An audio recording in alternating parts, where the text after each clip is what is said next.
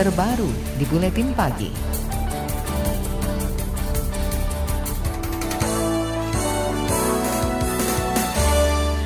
Kementerian Keuangan akan menurunkan ambang batas harga barang yang kena bea masuk barang impor yang berasal dari transaksi niaga daring atau e-commerce mulai Januari 2020. Ambang batas harga barang itu dari 75 dolar Amerika menjadi 3 dolar Amerika atau sekitar 42 ribu rupiah sekali kirim. Kebijakan ini juga menuai kecaman karena berpotensi merugikan penjual importir kecil dan pemasok barang dari toko daring impor. Menteri Keuangan Sri Mulyani bersama Dirjen Bea dan Cukai mendapat petisi dari masyarakat karena kebijakan tersebut. Direktur Jenderal Bea dan Cukai Kementerian Keuangan Heru Pambudi menyebut Kebijakan itu dibuat untuk melindungi industri perdagangan dalam negeri. Pajak impor yang sebelumnya itu flat, dia masuk 7,5 persen, PPN 10 persen, dan PPH itu 10 dan 20 persen tergantung apakah dia punya NPP atau enggak. Itu semua secara umum dirubah menjadi biaya masuknya 7,5 persen, PPN 10 persen, dan PPH-nya 0, PPH impor. Kecuali untuk tiga komoditi tadi, itu ikut tarif normal yang berlaku kalau misalnya kita ngimpor melalui kontainer.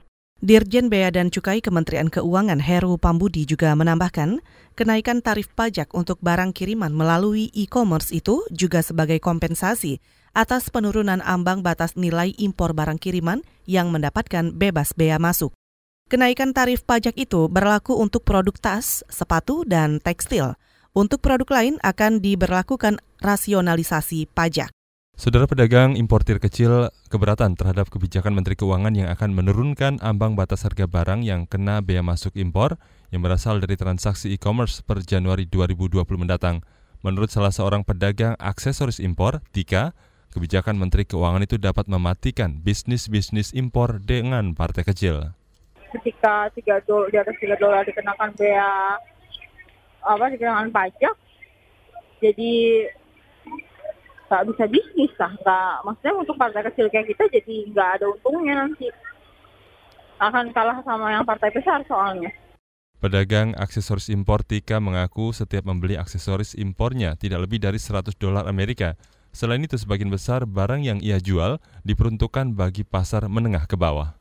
Sementara penyedia jasa jual beli online PT Bukalapak mengaku setuju dengan rencana aturan kenaikan bea untuk barang impor dengan jenis tekstil seperti sepatu dan tas.